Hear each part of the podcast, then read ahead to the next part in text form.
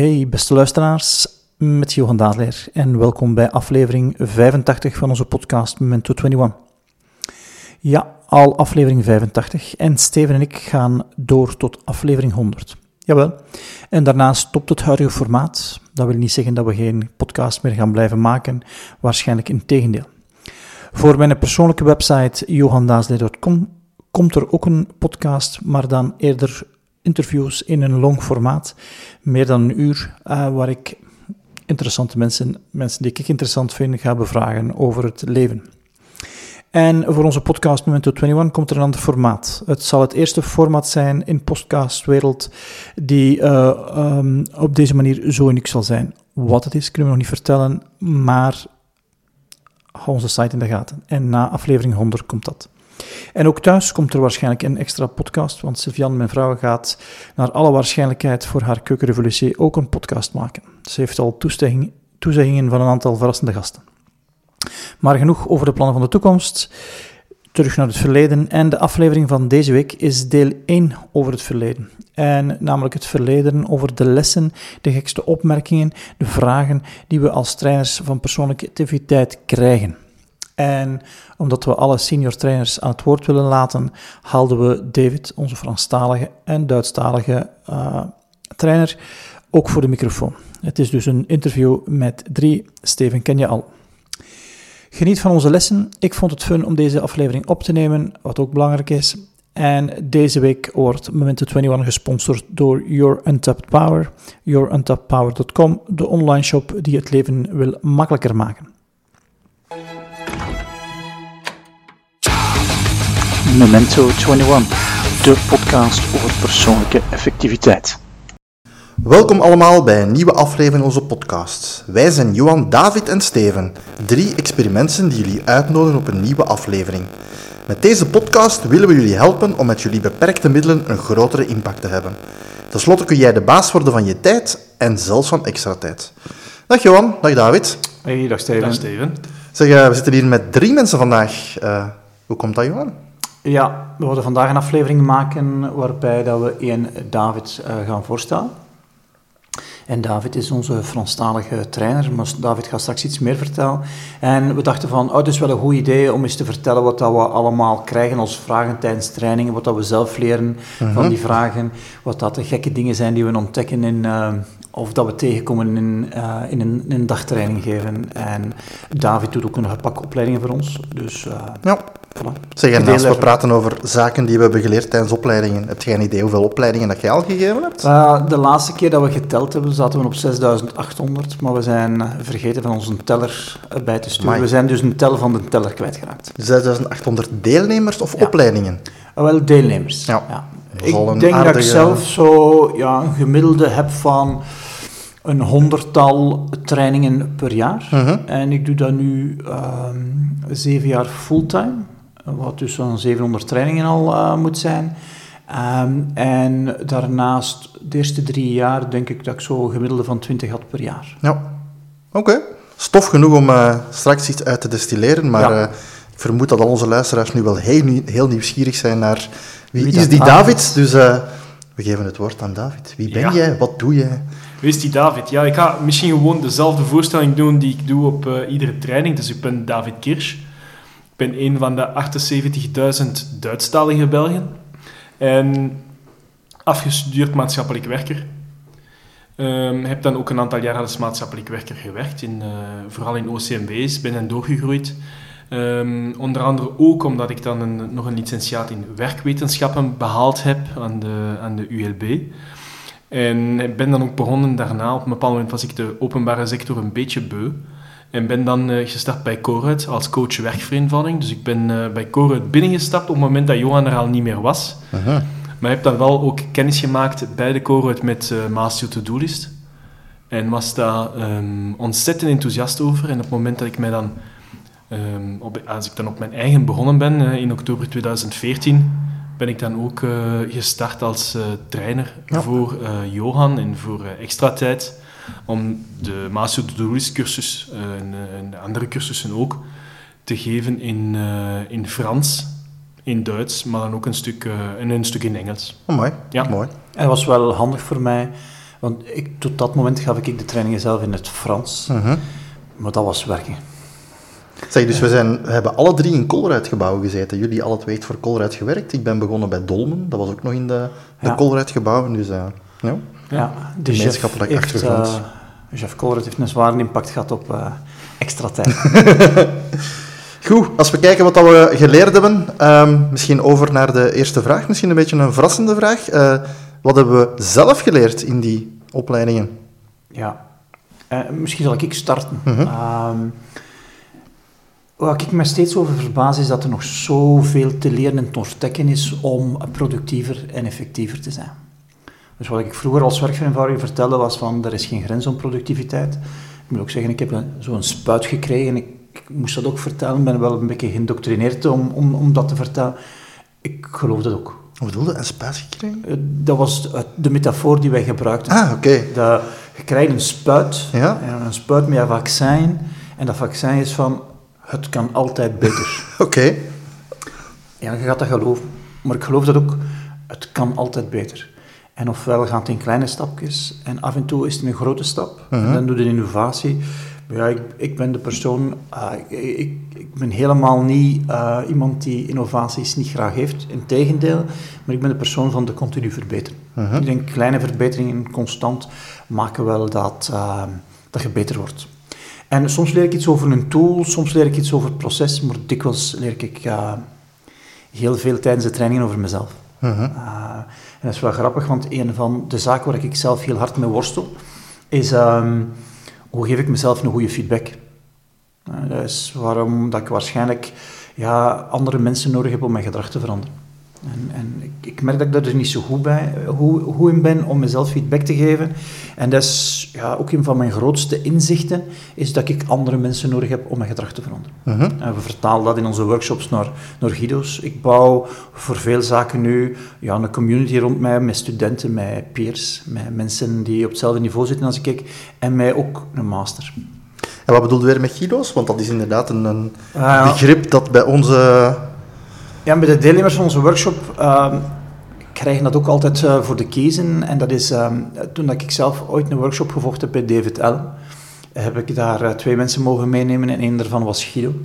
En Guido is ook degene die mij het meest geholpen heeft om dingen te implementeren. Dat ik met Guido af en toe afsprak en dan vertelde van wat heeft voor mij gewerkt, wat heeft voor u gewerkt. Mhm. En eh, ik heb ook nog met Guido lange tijd in een bandje gespeeld. Ehm, en we noemen het ook zo nu. Ja. Zoek uw Guido. Vind Uw Guido. Omdat rekenschap afleggen aan iemand, ik merk dat dat werkt. En op dit gebied zitten veel mensen in elkaar zoals ik. We zijn meestal bereid meer te doen voor iemand anders als we bereid zijn om te doen voor onszelf. Mhm. Dus als je dan accountability moet afleggen, ja, op een of andere manier is dat makkelijker als je iemand hebt waar je accountability moet afleggen. Ja. Je komt er minder onderuit. Mhm. Want anders, oh, ik heb heel veel reden om mijn gedrag niet te veranderen. Eh, een ander inzicht is dat het is nooit af. En, en, en, en, door dat met, ja, met dit thema, het is nu een thema waar ik dus al heel lang naar mijn doen mee bezig ben, Mhm. Ehm, merk ik van, hey, het kan altijd beter. Het kan altijd ook nog dieper, gefundeerder, maar het gaat nooit af zijn. En ik vind het wel straf dat ik dat zo moeten ontdekken heb door workshops te geven, want als ik als ingenieur naar een machine kijk om te optimaliseren, dan weet ik dat. Maar als ik naar personen kijk, of naar mezelf kijk, mijn frank was nooit gevallen. Ja. En wat er dan gebeurt, ik probeer iets nieuws, meestal uit, met de hoop dat al mijn problemen gingen opgelost zijn. Mhm. Alleen ja, er is één probleem opgelost. Ja. Misschien. Maar het stopt niet. Mhm. En dat zorgde bij mij toen voor frustratie. Omdat ja, ik heb weer van alles geprobeerd. Ah, en ik heb nog problemen. Ik heb nog zaken dat ik beter kan. En, en, en ja, ik denk dat ik altijd naar de, naar de zilveren kogel aan het zoeken geweest ben. Om, ja, als je dat kunt vinden, de kip met het gouden eieren, dan zij er. Ja. Ja, ik denk niet dat ik dat vind. Uh, maar ik denk dat de enige zilveren kogel is. Hoe kan ik nu blijvend op mijn productiviteit werken, zodanig dat ik, uh, ja, dat ik altijd beter word. Dus een deel van mijn frustratie... De, de silver bullet is toch de, the struggle is the way? Ja, embrace the struggle. Maar de zilveren kogel voor mij is dat ik twee soorten werk heb. Ja. Eén, productief zijn en het andere, mijn productiviteit werken. Ja. En ehm, dat, dat dat op mijn productiviteit werken, als ik daar niet bewust mee bezig ben, ja, dan, dan heb ik één strategie en dat is hard werken. En daar wil ik niet meer zitten, want dat heb ik al gedaan. En dan Mhm, ga ik naar een, een, een, ja, ik denk een staat waarin dat ik zou opbranden. Ja, dat is niet wat ik wil hebben. Maar dan moet ik bewust bezig zijn met hoe kan ik verbeteren. Ja. Ik moet ook wel doelen bereiken. Een ander inzicht is ehm, ja, mijn schuldgevoel omdat ik niet gedisciplineerd was. Eh, en dat heb ik denk ik opgelopen thuis. Van, ja, ik kreeg dikwijls de boodschap van, ja, jij bent niet gedisciplineerd. Je moet beter je best doen. Je hebt heel veel potentieel, maar het komt er niet uit. En dat is omdat je je best niet doet. Dan dat ik wel denk van, shit man, ik, ik deed wel mijn best. Alleen, het kwam er inderdaad niet uit. Dat kan ik niet ontkennen. Ah, maar ik deed wel mijn best. Niet heel op van de tijd. Maar er waren ook wel momenten dat ik het liet hangen. Maar dat heeft niet met discipline te maken, vind ik nu. Dat heeft te maken met ja, energie. En ik merk daar dat dat schuldgevoel heeft me een hele tijd tegengehouden, ook om van dingen die ik wel deed te genieten. Ehm, en dat ben ik nu toch wel veel meer kwijt. En de laatste jaren hamer ik daar ook op in trainingen, omdat ik merk dat de meeste mensen met hetzelfde worstelen. Ja. Zo met een schuldgevoel van, "Ah, tjoe, ik zou beter mijn best moeten doen, ik zou meer gedisciplineerd moeten zijn. Ja, en dat is nergens voor nodig, want dat schuldgevoel pakt een, een hoop energie weg, die je dan kwijt bent om beter te worden. Mhm, mhm. En je hebt energie nodig om beter te worden. En soms zijn het kleine dingen. Hè. Een aantal weken geleden, je weet, ik gebruik Outlook als mijn tool om, om, om, eh, om mijn lijstjes te maken. En ik open vier schermen. Ik open de to-do-lijst van Outlook. En ik, op, ik open een kalender. Ik open een tweede kalender, waar dat ik in kijk naar één dag. Een kalender in een week. En dan mijn e-mails. En ik doe dat door de rechtermuisklik te gebruiken. En sommige mensen zien daar onmiddellijk de waarde van in, anderen niet. Eh, en degenen die er de waarde van inzien, vragen dan meestal van, zeg Johan, als je nu je Outlook afsluit, als je dan weer opstart, starten die schermen dan op? Nou, dan moest ik altijd zeggen, nee. Ik heb nog geen manier gevonden om dat te doen. Mhm. Daar heb ik dus nu al geleerd van te zeggen van, nee, ik heb nog geen manier gevonden om dat te doen. Ja, ja, ja. ja. Vroeger zei ik, nee, ik, eh, er, er is geen manier. Ja, ik heb ze nog niet gevonden. Mhm. En eh, een, aantal, eh, een aantal weken geleden was ik die workshop ontgeven voor een van onze grotere klanten. En ik vertelde het opnieuw. En na een half uur zegt er een van de deelnemers, ik heb het gevonden voor u. Ja, over wat zij bezig? Want ja, we waren al op iets anders bezig. Ik heb het gevonden voor u. Zegt, ja, dat opstarten van die vier schermen, dat kan wel. Maar je mocht niet op dat kruisje klikken. Je moet naar File gaan en dan moet je Close Application doen. Je moet de applicatie afsluiten. En dan sluit alles af en als je dan opstart, start al- alles weer op. Ja, shit. Dank u wel. Ik heb ondertussen iets bijgeleerd, Ja. Johan, want Ja. af en toe had ik dat voor en niet, maar nu besef ik waarom.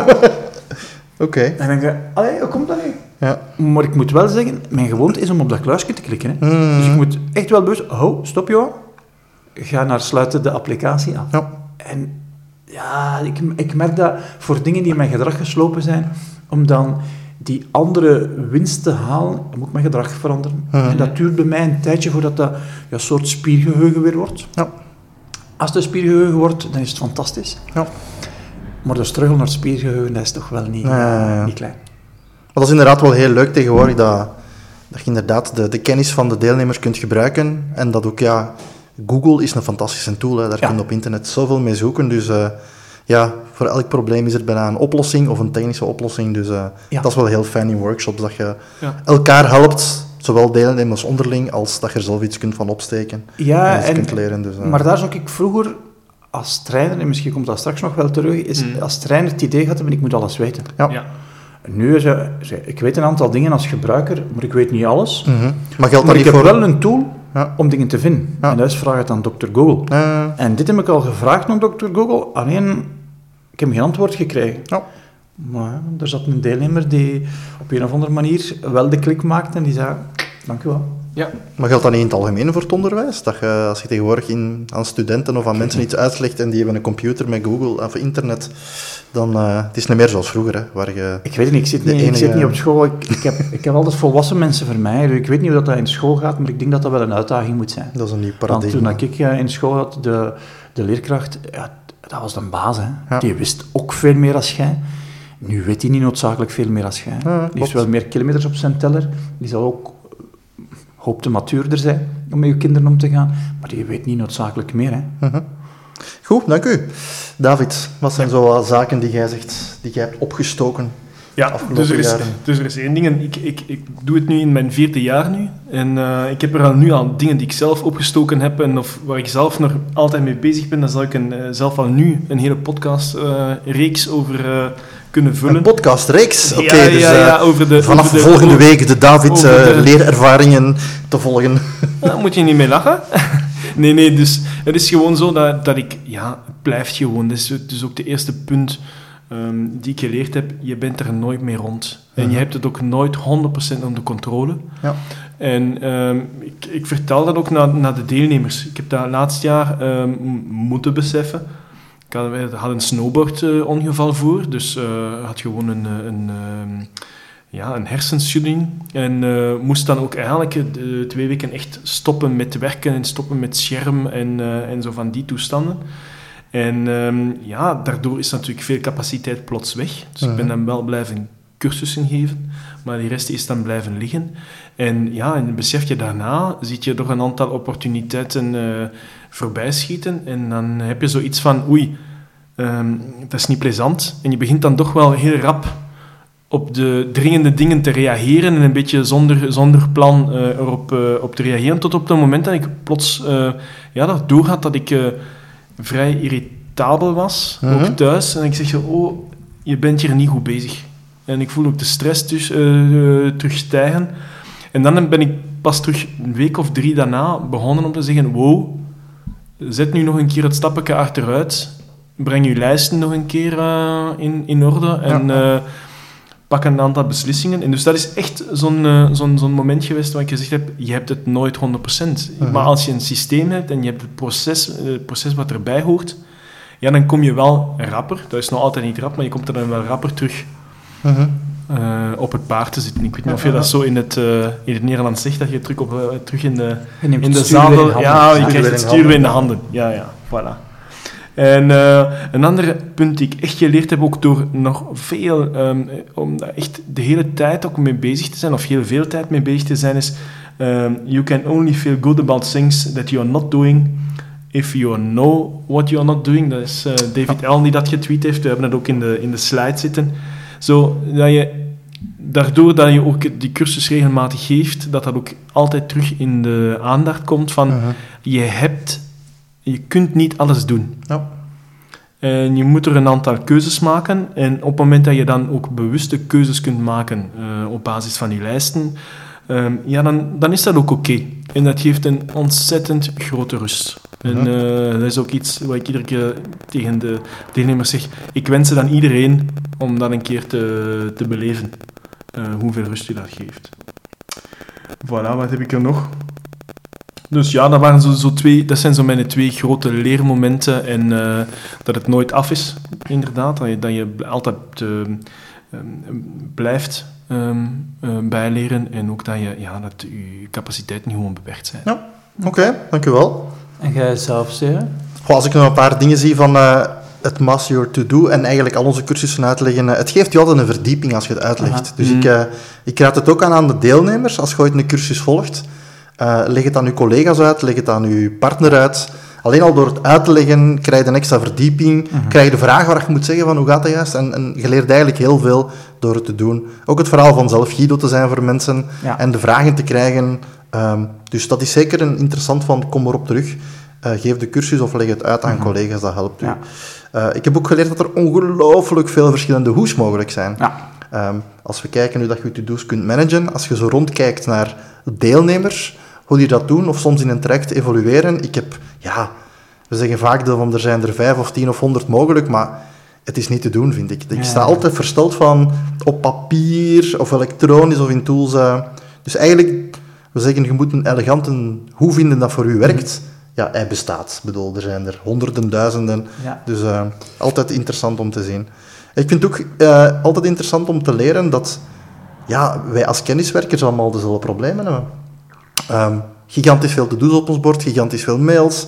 Het inzicht moeten krijgen dat je niet alles kunt doen. Het verhaal dat, dat eh, energie en aandacht belangrijk zijn. En dat je dat vooral ook ja, niet echt leert. Ik sta er eigenlijk verrast van ja, in hoe weinig plaatsen dat je leert. Je leert dat niet op school, je leert dat zelden in andere zaken, terwijl dat, ja, kenniswerkers even weten van hoe dat productiviteit werkt, hoe dat je brein werkt, hoe dat gewoontes werken. Het, het- ja. ja, ik vind het altijd verrassend om, om als je dan Ja. dat ding uitlegt, ook voor jezelf, om te zien van waarom weten we daar zo weinig van. En het is toch zo belangrijk om eh, kennis te krijgen over eh, to-do's en hoe dat het brein werkt. Ja, we hebben het nooit geleerd gekregen, dus waarom zouden we er ons schuldig over voelen? Ja, Ja. ik voel me daar helemaal niet schuldig over, maar ik heb wel zoiets van, damn, had ik dat nu niet Vroeger 20 jaar eerder kunnen weten? Of eh dat is ook handig dat we natuurlijk nu aan mensen kunnen doorgeven en Ja. ook aan onze kinderen kunnen doorgeven. Mhm. En dan inderdaad de kleine optimalisaties, ehm, of de grotere optimalisaties, als je dingen uitlegt, dat je inderdaad zo van de groep feedback krijgt, vind ik altijd ongelooflijk eh, leerrijk om dan eh, je systeem te kunnen blijven optimaliseren en Ja. eh, te kunnen gaan groeien. Ehm, goed, ehm, misschien even een ander thema. Ja. En eh, het is daar juist al licht aangeraakt. The struggle is the way. Wat zijn Ja. onze grootste struggles vandaag? Wat waren ze? Wat zijn ze? Ik denk dat de mijne altijd dezelfde gaan blijven. Uh, Eén daarvan is ik niet teleurgesteld zijn en mild zijn naar, uh, naar mezelf als ik mijn eigen theorie niet beter toepas. Mhm. Um, soms voelt dat aan of dat je, ja, uh, misschien is het nu een zwaar woord, maar een leugenaar bent, een fraudeur bent, omdat ik vertel wit en ik doe een stukje grijs. Mhm. Um, en meestal vertel ik dat ook wel, dat de theorie is makkelijker om te vertellen dan hem zelf te doen, maar ik word beter en beter en beter. Zet iemand die van nature ook streng is voor zijn eigen? Als je Ja, zegt van... ja, absoluut. Dus je, je, ze bijna, je vindt dat je een theorie bijna constant, elke dag, elke uur bijna moet toepassen. Uh, nee, ik vind dat ik, uh, wat ik vertel, dat ik dat ook 100% zou moeten doen. Mhm. Wat dus niet waar is, dat je niet 100% kunt zijn. Ja. Maar dat is dus toch zo'n stemmetje die zegt van, uh, dat doet niet 100% dat ik het aan het vertellen ben. Ja. Uh, er zijn een aantal dingen die ik heel goed doe, maar er zijn ook dingen die ik vertel die ik niet zo goed doe. Ja. Maar een van de nadelen van mij is dat, en, en, en misschien projecteer ik dat, is als ik iemand iets hoor vertellen en ik zie hem iets anders doen, dan geloof ik hem niet meer. Ah, zo. Dat wil dus zeggen, als ik het zelf niet zo 100% doe, dan denk ik Mhm. van, de mensen gaan me niet geloven. Ja. Ja, en als ze niet geloven, waarom zouden ze het dan doen? Ja, oké. Ja. Maar dat is mijn redenering. Hè. Mhm. Ik projecteer die op de deelnemers. En dan moet ik mild zijn tegenover mezelf van, wacht eens, ehm, van, oké, ten opzichte van vroeger doe je dit nu 90%, moet je zeggen start op 30. Ja. Hey, je hebt wel een hele weg afgelegd. Je Mhm, moet heel mhm. content zijn. En die, die horizon van 100%, die schuift altijd op. Ja. Ja, als ik me daar ga mee vergelijken, ga ik altijd teleurgesteld zijn. Ah.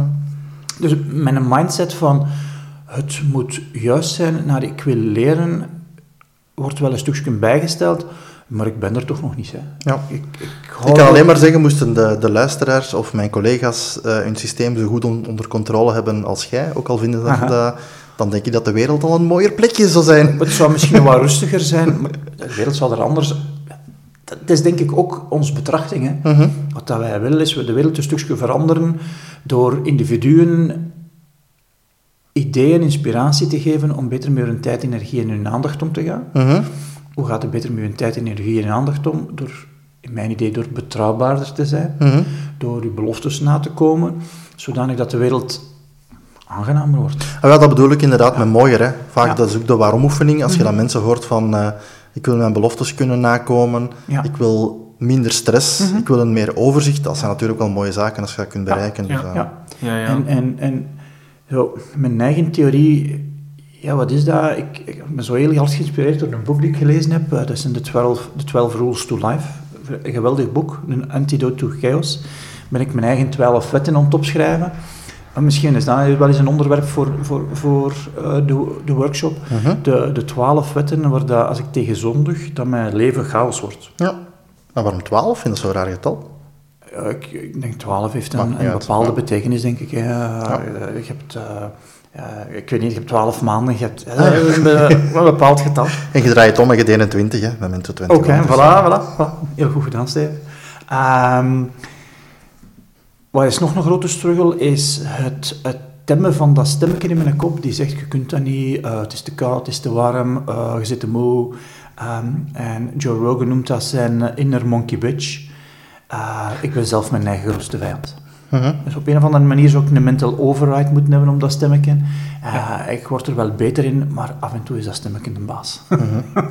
af en toe denk ik van, shit man, dat had ik niet willen doen. Het is precies of ik hier een tweede persoon in mijn kop zitten heb die de baas is. En gelukkig zijn er dan andere mensen die ik bewonder, die dan zeggen, ik heb dat ook voor. Ik denk van, oh, ik ben toch niet de enige. Maar- En ik merk dat ook Ken jij iemand dat dat niet voor heeft? Eh, nee, omdat ik de mensen in hun hoofd niet kan kijken. En omdat sommige mensen ook er niet in transparant zijn. Ja. Sommige Mhm. mensen zeggen van, ik heb alles onder controle. Eh, Ik kan, eh, toen, toen dat ik zelf zo'n stroggelen was met mijn to-do-lijst, ik had het idee van mijn collega's, Mhm. dat ze allemaal pak hadden op hun werk, dat ik de rode lantaarn droeg in de groep. Ja. En toen dat ik dan met een baas ging zeggen, ik, ik wil die workshop volgen, wanneer dat hem nog niet overtuigd was om mij geld te geven, dat ik zei, maar ik ga er zelf ook iets aan hebben, omdat ik met allerlei dingen te laat was, zei hij van, maar jij doet dat toch zo slecht niet? Mhm.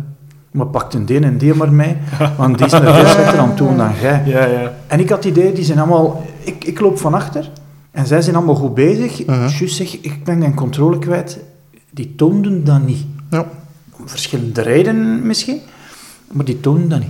Ik denk als je je breinen vandaag wel kent, dat dat inderdaad wel logisch is dat dat bij iedereen gebeurt. Ja. Ik heb eh, onlangs op de radio gehoord dat er iemand bezig was met kledij of dingen te ontwikkelen die feedback gaf over je lichaam. Mhm. En dat er ook iets wat je op je hoofd kon zetten, dat dan Ja. feedback gaf over eh, ja, welk deel van je brein bezig was. Aha, Eh, ja. De vraag was hoe dat je dat wilt tonen, maar misschien dat je op termijn kunt zien van hey, iemand zit in zijn zoogdierbrein of iemand is met zijn neocortex bezig. Dat zou kunnen. En dat je ja. dan visueel kunt zien eh, Ja. hoe mensen bezig zijn. Maar het is ook een vraag, denk ik, van mentale energie. Mhm. Dus ja, op het moment dat je geen mentale energie meer hebt en je hebt dat niet goed beheerd, eh, of ben je niet super Mhm. efficiënt mee omgaan, ja. dan komen ook oude schema's naar boven, Absoluut. gemakkelijker, en Ja. dan ben je daar ook niet noodzakelijk van bewust. Hè? Dus, Ja. eh, En, en, en de truc dan, ik heb het Mhm. niet altijd door, is op die momenten dat er weinig mentale energie is, van iets te bouwen, zodanig dat je jezelf niet in de voet schiet.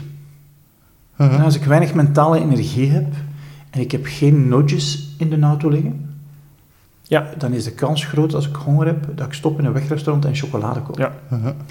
Dus ja, wat kan ik dan bouwen om mezelf daar een stukje tegen te beschermen? Verder heb ik heel veel oh shit regels nodig in mijn leven. Ja. En oh shit in onze Outlook kennen we Ja, dat. ja, we ja. vertragen elke mail twee minuten, zodanig als we een fout gemaakt hebben, dat we kunnen herstellen, dat ze niet ons beschadigt. Mhm. Verder heb ik dat nodig in de rest van mijn leven ook. Ja. Als mijn mentale energie laag is, dat ik een oh shit regel heb van, oh, ik wil stoppen in een wegrestaurant. Nee, Johan, ik heb nootjes. Oké, dat is goed. Ja, en dan ook, een, ik denk dat is één mogelijkheid. En de tweede mogelijkheid is ook eh, ja, te herkennen dat we niet perfect zijn en dat we ook dan zacht te- tegenover onszelf Ja, kunnen zijn. Want te zeggen, kom, ja, allee, je kunt niet altijd 100% mentale energie hebben. Hè. Deze week was een vermoeiende voor mij. Ja, ja, dan ben ik ook terug Mhm. wat, meer beheten, eh, eh, wat meer begonnen de koekjes te eten die dan op, Ja. op het hotel klaar lagen als we met de, met de training begonnen zijn.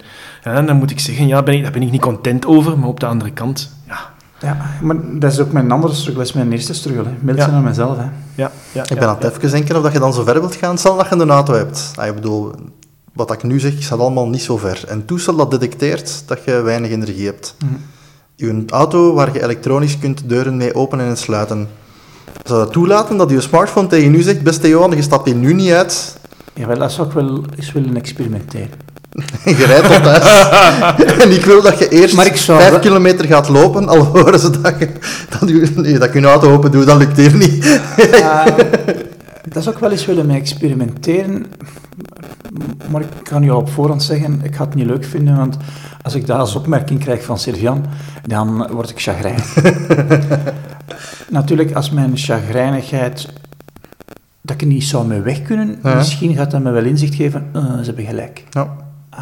Want we gaan er op zich niet naartoe, hè, waar, waar gezondheidsapps, daar wordt mee geëxperimenteerd, Mhm. als die voorgeschreven worden, waar je dan Ja. bepaalde zaken moet doen, of waar je moet stappen en waar dat wel... Ah, ja. Ja. Dus, eh, ja. eh, maar als ze mij zo tips kunnen geven om die mental override te doen, Mhm. En ik merk dat ik die mental override nodig heb in vier grote gevallen. Dus als ik honger heb, Mhm. als ik kwaad ben, als ik mij alleen voel en als ik moe ben. Ja. In het Engels is dat een schoon anagram, dus HALT. Mhm. Hungry, angry, lonely and tired. Ook een heel schoon... eh, ik heb dat zelf niet ontwikkeld, dus daar, ik heb dat ergens eh, Mhm. gelezen. En je weet waar dat ik mijn inspiratie vind, is in, meestal in boeken. Eh, en ik denk van, ja... Als ik oh shit regels heb voor die vier gevallen, dan gaat mijn leven er wel anders uitzien. Mhm. Zeker als ik te weinig mentale energie heb. Want in die geval, heb de, in die geval is mijn zoogdierenbrein de baas. Ja. En ik doe dan meestal domme dingen. Ja. Als mijn zoogdierenbrein de baas is.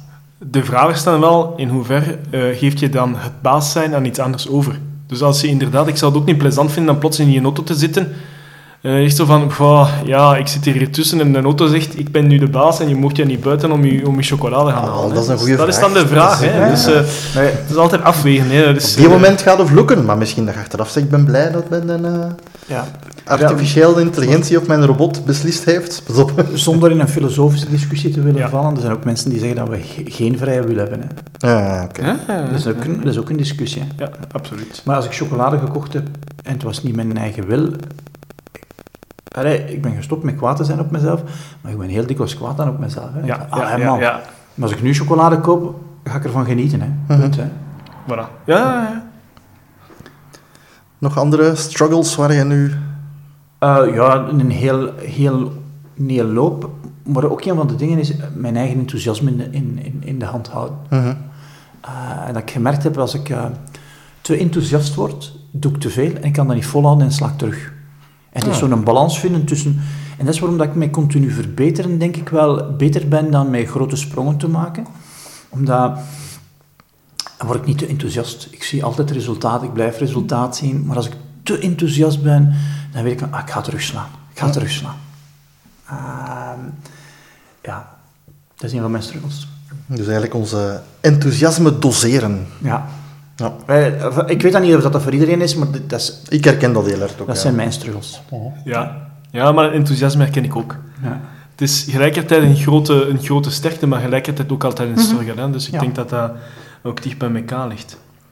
En jij, Steven, wat zijn, uw, wat zijn uw struggles? Goh, eh, het kost blijvende energie. Hoe lang dat je er ook mee bezig bent, hoeveel dat je al ons gedaan hebt. eh, er is altijd nog een onnozel stemmetje in mij dat zegt van eh, nu zou dat toch vanzelf moeten gaan. Of nu zou de gewoonte... allee, op automatische piloot, ja, dat is dus niet. Ehm, dus ik ben ervan overtuigd dat het mij heel goed doet. En ik wil het ook wel, maar het, blijft toch wel een stemmetje van verdoemen. eh, het kost energie. En af en toe is het toch gewoon ook eens leuk om te zeggen, weet vandaag ik start van een wit bladzijde in plaats dat die lijstjes daar staan. Dus ehm, dat zijn af en toe dingen die ik wel heb. Ehm, ook van ja, de gewoontes onderhouden als bijvoorbeeld vakantie is.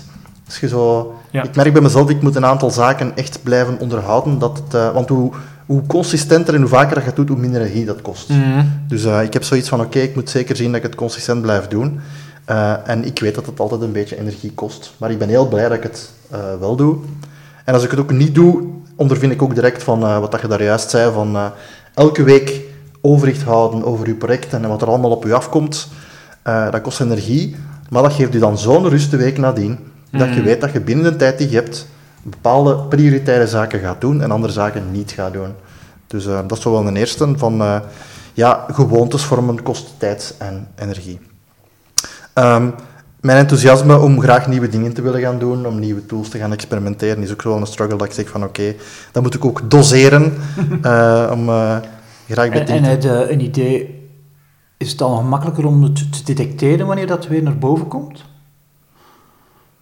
Oh god, als ik, als, ik na, als ik na een tijd iets heb van dit gaat, of dit verloopt gemakkelijk, of dit is routine, dan is er bij mij zoiets dat zegt van, oh, ik wil een keer met iets nieuws proberen. Ja. Of als ik dan in, eh, in opleidingen zo nieuwe tools hoor van, hey, ik heb hier een lijstje wat gecombineerd is met Pomodoro's en waar je dingen kunt bijhouden, dan is er altijd zo in mij dat zegt van, hm, tja, dat zou ik wel eens willen proberen. ja. En ehm, ja, ik weet ook, als je dan een dag mee experimenteert, dat je dan niet weet van, is dit nu interessant of niet interessant, Ja. je moet daar iets langer mee gaan doen. Maar op een bepaald moment, ik zit nu ook in Outlook met een verregaande implementatie, je hebt er al zoveel ingestoken, Mhm. dat je ook wel beseft van, oké, als ik morgen aan een nieuwe tool ga, dat ik dan, ik ga niet zeggen van nul moet beginnen, Ja. maar dat is dat enthousiasme en ja, ik weet niet, die nieuwsgierigheid om eh, ja. een keer nieuwe dingen te gaan leren, zeker, om eh, dan terug een keer op papier of dus, eh, Ja. ja. Dat is, is wel grappig, want dat is een van mijn projecten op mijn lijst. Is ik wil vier nieuwe taskmanagers getest hebben dit jaar. Vier nieuwe taskmanagers, oké. Ja. En heb je al concrete welke? Ja, ik heb al ehm, Todoist getest, drie Mhm. maanden, en nu ben ik aan Omnifocus bezig. Ah, oké. ja. Ja. Dus ik houd mijn Outlook en mijn Omnifocus nu tegelijkertijd Ja. compleet. Dat is werk, dat ga ik in de volgende dat ik test niet meer doen. Mhm. Ja, dat is veel te veel werk. En een eerste eh, blik op de resultaten? Wel, voor mij is Outlook nog altijd de krachtigste dat ik tot hiertoe Mhm. heb. Mhm. Het enige dat ik een beetje mis in, ehm, in Outlook is een manier om mijn projecten te beheren. Ik doe dat dus nu wel in OneNote, maar sommige van die tools zijn toch wel iets handiger Mhm. om acties aan projecten te koppelen, Ja. om die link niet te verliezen. Ja. Ja. En ik vertel altijd tegen de deelnemers, je hebt dat niet nodig. Maar ik merk wel dat het toch wel handig is om dat te hebben. Het is niet nodig, maar het is wel handig. Ja, maar om het dan ook te kunnen gebruiken, omdat ik heb ook met Omnifocus geworsteld. En dus ik moet zeggen dat ik de, de enthousiasme rond zo'n tools niet noodzakelijk deel, omdat het, ja, dus mijn dingen misschien een beetje minder, maar ik weet dat ik met Omnifocus ook, ja, je moet, daar moet je ook heel veel tijd aan terug ook Mhm. insteken om het dan te configureren. Dus Ja. ik zie iedere keer, en dat is waarom ik er nog altijd zo, eh, Ja. zo enthousiast over, over Outlook ben, je hebt er heel veel dingen die je niet, eh, als er ene keer geconfigureerd is, Ja, ja, dat is waar. Dan, dan, dan kun je heel veel automatiseren al. En ik gebruik dan ook OneNote Ja. voor, voor mijn masterlijst. Maar, maar ik denk voor, voor, voor mensen die niet met onderwerp bezig zijn, je zit twee dingen tegelijkertijd ontleren. Hè. Je zei zowel de methodologie ontleren, en Mhm. daar nog wel een beetje mee aan het struggelen, Ja, ja, ja. en ook eh, de tool. Tool. Ja. Ik struggle nu niet meer met de methodologie, want die ken ik. Ja. Die ken ik echt goed, daar struggle ik niet meer. En die een tool dan omvormen, daar begin ik gemakkelijker manieren te Ja, vinden. ja, dat te absoluut. Ja. Maar als, als ik nieuw zou starten, ja, dat, dat zou ik waarschijnlijk ook weer wel lang met zo'n tool werken. Ja. Ik, ik, eh, ik heb een klant van mij geholpen met... Het is verder gekomen doordat een klant van mij, eh, een bedrijfje die mij op Mac werkt, een, een, een taskmanager wouden hebben, dat ik gezegd heb, om je echt te helpen, ga ik ook drie maanden testen. En na drie maanden dacht ik van, "Moe, dat was wel plezant om dat ook te doen. Als je, als je vijf jaar met Outlook werkt, heb je het wel gezien. Hè. Ja. Want ik heb, ook, ik heb ook variabiliteit nodig en ik zoek mijn variabiliteit nu in mijn tool, Ja. niet meer in mijn methodologie. Ja, ja, absoluut. En, en, en, maar ik heb ook van to-do's dingen geleerd die ik in Outlook kan hergebruiken. Ja. Ah, interessant. Ah, ehm, en ik denk dat ik ook in, in, in, in eh, Omnifocus wel zaken ga leren. Hmm. Het enige dat ik denk van is, verdorie, ik hoor heel veel mensen zo enthousiast zijn over Omnifocus. En mijn verwachtingen waren zo hoog gespannen dat ik nu denk van, hmm, dat vind ik nu toch niet terecht. Ik vind Outlook wel veel krachtiger Hmm. dan Omnifocus. Ja. En als onze luisteraars zeggen, "Hm, dat is interessant, kunnen we, kunnen we daar meer rond weten te komen? Of uh, Over uw ervaringen met die tools in OmniFocus? En, eh, Ja, misschien De drie daar een andere? blogpost over schrijven. dat is misschien wel een goed idee. Ja. Hmm. Dat is wat ik zal doen. Ik zal het opschrijven. Ik zal het op mijn incubatielijst zetten. En in welke tool? Nee. Als ik nou even kijk naar struggles, Het opschrijven of het organiseren? Eh, er zijn er nog twee misschien eh, waar ik wel eh, dagelijkse struggles, dat is eh, rekening houden met mijn capaciteit en vooral voor genoeg capaciteit te zorgen. Ehm, in mijn job, eh, die ik naast extra tijd heb, struggle ik vooral met heel veel vergaderingen. Dat ik moet oppassen dat ik niet van s morgens tot s avonds vergader en dan merk van... eh, Hmm. ik merk ook dat andere deelnemers vaak daarin zitten. Ehm, en dan moet je gewoon aan de kern iets gaan doen. Als je Mhm. van s morgens tot s avonds ligt te vergaderen, ja, en je hebt ook nog zoveel andere zaken, zoals je krijgt nieuwe mails binnen, je moet alles gaan verzamelen, Ja. ja, dan is het ook moeilijk om het georganiseerd te krijgen. Mhm. Dus genoeg capaciteit eh, voorzien dat Ja. ik de nodige zaken kan doen, of dat ik niet in negatieve ga. En dat betekent ook eh, proberen minder vergaderingen te gaan doen. En ook gewoon beseffen van, kijk, als ik deze week weinig capaciteit heb, mezelf ook geen eh, ja, leugens wijs maken van dat ik veel wil gaan doen die week. Ja. Eh, en de laatste struggle vind ik ook altijd moeilijk, van dat is eh, schatten hoe lang een taak duurt. Ik ben er al beter in geworden, Ja. maar ehm, voor kenniswerk en voor het feit dat je vaak nieuwe zaken hebt, dat je soms geen beroep kunt doen op wat dat je al ervaring van het verleden. Eh, mijn enigste ervaring is dat ik vaak dingen onderschat als ze nieuw zijn en dat het altijd langer duurt dan ik denk. Ja. Dus ik kan dan vaak al eens maal twee of maal drie doen. Aha. Maar dat blijf ik toch een struggle vinden, een moeilijke vinden. Ik heb deze Ehm. week heb ik dat zo slecht gedaan, Steven. Dat kun je niet voorstellen. Eh Johan, het verhaal wil mild zijn voor jezelf. Je moet- maar ik ben dan heel mild naar mezelf. ja, ik moest deze week een, eh, een presentatie doen eh, voor eh, een groep 150 man, denk ik, en ik moest in het Engels. Ik moest 45 minuten presenteren. Mhm. En ik heb wel een slide deck eh, in het Nederlands daarover. We geven ook de workshop in in het Engels. Dus ik heb ook een slide deck van de workshop in het Engels. Dus ik dacht, wauw, die een omzetten. Allee, 90 minuten, 120 minuten. Ik kreeg vorige week een mailtje van, ja, we gaan, eh, uw presentatie is in breedbeeld. Dus Mhm. eh, je hebt twee soorten beelden in, in, in, in PowerPoint. Je hebt eh, V3 en je hebt breedbeeld. Dus ik moest die omzetten in breedbeeld. ik begin eraan. En door dat te doen, denk ik, "Hmm, ik kan dat wel wat mooier maken. Dus verder heb ik de opdracht één vergroot. Mhm. Dus had ik hem alleen vertaald, misschien was ik er wel met 90 minuten, twee uur gekomen, maar door, hem, door het enthousiasme opnieuw, van Mhm, oh, mhm, ik kan dat mooier maken, heb ik dat vergroot. En ik heb er ja, acht uur aan gewerkt. Mhm. In een week, waar dat je maar 12 uur capaciteit hebt, dat is een dikke misrekening, dat kan ik je vertellen. Dat is een dikke misrekening. En ja, kijk, dat is wat gebeurt. Hè. Ik heb ervan geleerd en ik van, oké, maar volgende keer moet ik dat wel beter uitchecken. Van, ga ik dat nu echt wel doen of ga ik die mensen laten weten van, sorry, zorg maar voor een beamer die eh eh, een andere ehm, formaat heeft dan deze, want dit kan ik nu niet doen. Ja. Ik heb ook wel geleerd dat het makkelijker is om het eh, formaat 16.9 aan te passen naar 4.3 dan omgekeerd. Oh ja. Dat wil dus zeggen dat ik vanaf nu, als ik nieuwe powerpoints maak, altijd naar het Mm. andere formaat ga overschakelen. Ja. Maar dat is leergeld die je betaalt. Hè. Ja. Ja. En dat is nu misschien wel milder zijn, dat zijn, ja, als ik leergeld betaal, oké. Ja. Dat is het waard van de tijd, energie en aandacht. En centen in te steken, je noemt het ook leergeld voor iets. Hè. Met, Hmm. met dit inzicht gaan we de komende jaren wel minstens 9 uur terugwinnen. Dus, eh. Eh, zeker weten. Zeker weten. Maar, David, maar dat eh, voelde deze ja. week anders aan dan dat ik het in de toekomst ga terugwinnen. David, nog eh, wat zijn uw Ja, eh, Een van, van de, de struggles waar ik nu nog mee zit, eh, is, eh, is inderdaad het, eh, het eh, blijven collecteren. Dus ik heb eh, wel een tool met, die dat schitterend goed functioneert, eh, met, met Captio. Maar ik zie toch wel zelf daar, zijn er momenten waar ik, dat, eh, waar ik dat dus niet direct doe. En waar ik zelf een aantal keren moet gefrustreerd geraken.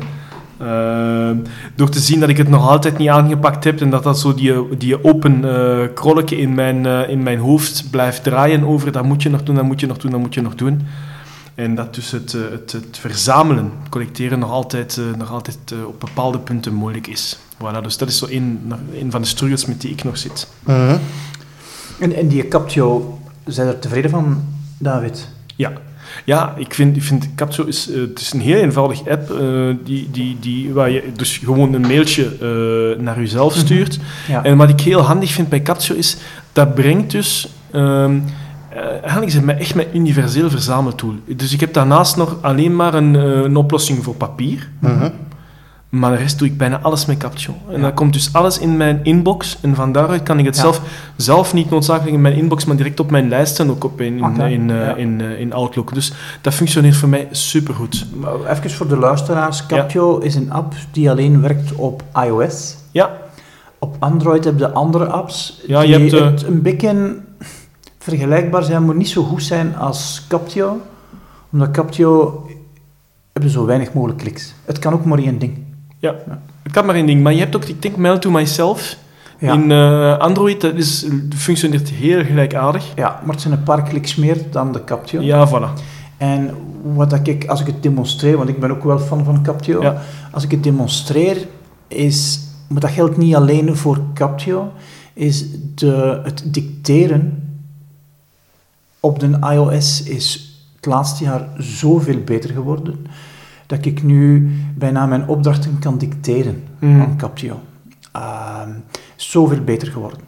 En wat ik hoopvol ben naar de toekomst toe, dat je in je wagen kunt eh, bijvoorbeeld zeggen van, goh, ik denk eraan, ik moet dit met Sylvian bespreken, dat je dat tegen je wagen zegt, en dat je thuis komt, dat je een telefoon zegt van, hey, je zit dicht tegen de telefoon van Sylvian, dus misschien is Sylvian in de buurt, dit moeten we bespreken met Sylvian. Wow. Dat is terug wat ik straks zei met OmniFocus. Ja. Bij OmniFocus, dat, dat, kon je ook, dat kan je ook instellen. Dat als er ergens staat, je hebt nog eh, een aantal schroeven nodig, omdat ergens in één project staat, eh, Ja. je wil aan je tuinhuis werken en je komt in de buurt van de brico, dat die dan begint te bingen. En dan heb ik zoiets van, maar dan ben ik terug eerder in een reactieve modus dan in een eh, proactieve modus. Zo, dat is zo waar ik altijd Ja. een beetje zo aan heb, zo van als het begint te veel rappellen of herinneringen te sturen, Ja, ik kan me maar, maar dat is zo, dat, dat moet nog een evenwicht gevonden worden. Maar wat ik nu nog zelf zie, als, al ook heb je een mogelijkheid om het direct op te schrijven. Een van die voorbeelden is, ik kom bij mij iedere morgen buiten Mhm. en we hebben een bloembed voor het huis. En ehm, ik heb da- daarna beseft, iedere keer dat ik daar morgens, morgens buiten kwam, zag ik, oh, je moet daar absoluut een keer iets mee doen. Je moet een tuinier bellen, je moet, of je moet het zelf een keer in handen pakken. Maar omdat ik, ja, je bent, staat een beetje onder druk als je morgens vertrekt, je, gaat, je stapt in je auto en je pakt de tijd niet. En de morgen daarop kom je terug buiten en dan krijg je natuurlijk terug de herinnering. Mhm. En ja, zut, je, je moet nou absoluut nog iets daarmee mee, mee doen. Ja. En dat is, is ik zo, en dan moet ik echt, ik echt na, ja, na een week of twee echt moeten zeggen, zo, nu pak je wel die 30 secondes om je, eh, om gsm uit te ja. halen en die berichtje te sturen. Ja. En dan is zoiets, als ik zoiets zie, zo, zo van, ah, dan hoeveel frustratie kom ik toch nog iedere dag tegen, omdat ik Mhm. dingen vergeet, omdat ik ze op de, of, Ja. ja, of dat ik ze terug de herinnering krijg eh, door Mhm. mijn brein op de, op de momenten Ja. waar, ja, waar je het minste iets mee kunt doen. Ja, Dus ik vind dat altijd terug ook een, eh, een, eh, plezant om te zien. Plezant, nee, ik vind het niet plezant. ja, Verrassend om te zien. verrassend om te zien. Dankjewel. Ja, je kunt altijd beter worden. Hè. David. Ik zie dat we tegen de 45 minuten aangaan, dus eh, dit gaat een aflevering in twee delen worden, of dit gaan twee afleveringen worden. We kunnen misschien nog afsluiten met een, eh, nog een grappige anekdote die we misschien eens zijn tegengekomen eh, in een opleiding. Ehm, als ik naar mezelf kijk, ook in de opleiding proberen we bijvoorbeeld de aandacht en energie hoog te houden. En een van de oefeningen die we daar soms doen, is de mensen moeten recht staan met hun ogen toe. Ik ga de rest van de oefening niet verklappen. Um, ik had dat onlangs voor en iedereen stond zo heel ontspannen en rustig met zijn ogen toe en ineens ging je het brandalarm. Dan uh, was het ja. effect van de oefening wel even veranderd. Ja. Zou je um, dan moeten buiten gaan? Uh, nee, het was zo'n test. Dus ah. Okay. Uh, ik heb al voor dat het brandalarm afgaat en dat we moesten buiten gaan. -hmm. Drie kwartier van de trein kwijt. Ja, ah, wel, nee, nu dat je het zegt, ik had het ook eens voor gehad in het begin van een training. Dus ik was denk ik net voorbij met een intro, we waren Aha. tien minuten ver en toen gebeurde dat. We moesten ook even naar buiten gaan en ik vond dat heel positief. Omdat er waren een aantal mensen die gestresseerd toekwamen, ja, want ze moesten hun haasten en ze moesten hun kinderen nog wegdoen en ze waren net op tijd. En je zag echt dat ze zo nog uh, met hun hoofd er niet bij waren. Mm -hmm. En uh, we moesten zo even naar buiten wandelen, dat was denk ik 300 meter. het was goed weer, ze kregen wat zuurstof, ze kregen zonlicht. En we hebben daar denk ik vijf minuten gestaan. En op het moment dat ze terug binnenkwamen, was er een hele andere energie in die groep. Ja. Iedereen was zo wat ontspannen, had wat zuurstof, had wat licht en ze waren veel aandachtiger. Okay. Ik denk dat ze er op zich meer van opgestoken hadden. Mm, okay. Dus, uh, ik heb ook nog een boel grappige anekdotes. Nee, anekdotes die ik grappig vind, maar die zijn dan voor de volgende aflevering. Alright. Oké. Okay. Dus volgende keer deel 2 van de ervaringen van, uh, als ons van trainers. Tot volgende week. Ja, volgende week. Dag. Dag. Hey, bedankt om te luisteren naar de volledige aflevering. We hebben momenteel 25 ratings op iTunes, dus als je ons een plezier wilt doen, voeg er dan een 26ste bij. We hebben graag ratings van 5 sterren, maar ook 1 ster, 2 sterren vinden we absoluut de moeite waard. Dankjewel en tot volgende week.